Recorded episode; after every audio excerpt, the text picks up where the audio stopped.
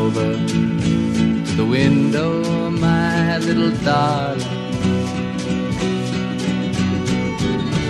I'd like to try to read your palm. Leonard Cohen het die Noorweer Marianne Eland op 'n Griekse eiland ontmoet. Sy was by 'n winkel besig om melk en gebottelde water te koop. Toe Cohen inloer en haar nooi om by hulle te kom sit. Sy het ja gesê. Hier noem haar die mooiste vrou wat hy nog ontmoet het. Ry saam met haar terug na Oslo in Noorwe en die res is geskiedenis. Cohen Elin en haar seun uit 'n vorige huwelik het tydens die jare 60 tussen Montreal in Kanada, New York in Amerika en Griekeland gereis terwyl hulle saam geleef het. Hy het sy digbundel Flowers for Hitler aan haar opgedra, asook die liedjies Bird on a Wire en So Long Mary Ann. Elin is op 29 Julie van die jaar dood aan leukemie. Haar vriend Jan Christian Mollestad het Cohen na bewering daarvoor Elin se dood laat weet dat haar toestand vinnig agteruitgaan. Cohen het binne 'n paar ure 'n briefie geskryf wat die volgende dag aan Elin afgelewer is in Noorwe. Mollestad het die volgende woorde hardop aan haar voorgeles. Well, Marianne, it's come to this time when we are really so old and our bodies are falling apart, and I think I will follow you very soon. Now that I'm so close behind you, that if you stretch out your hand, I think you can reach mine. And you know that I've always loved you for your beauty and for your wisdom, but I don't need to say anything more about that because you know all about that. But now, I just want to wish you a very good journey.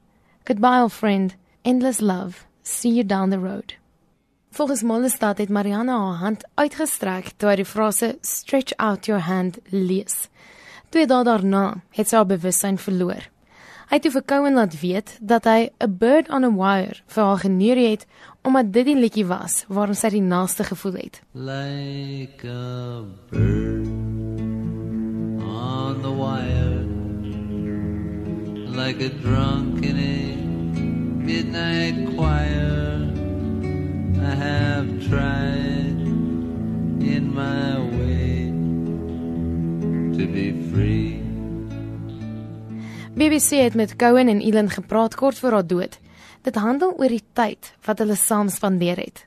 My grandmother said that I will meet a man who speaks with a tongue of gold. Okay. I thought the tongue of gold was in Axel's mouth in the beginning. My first dear husband, who was uh, quite crazy. But I realized that it was it was Leonard's tongue that my grandmother was talking about. Can you imagine having a grandmother who says you're going to meet a man who speaks with a tongue of gold?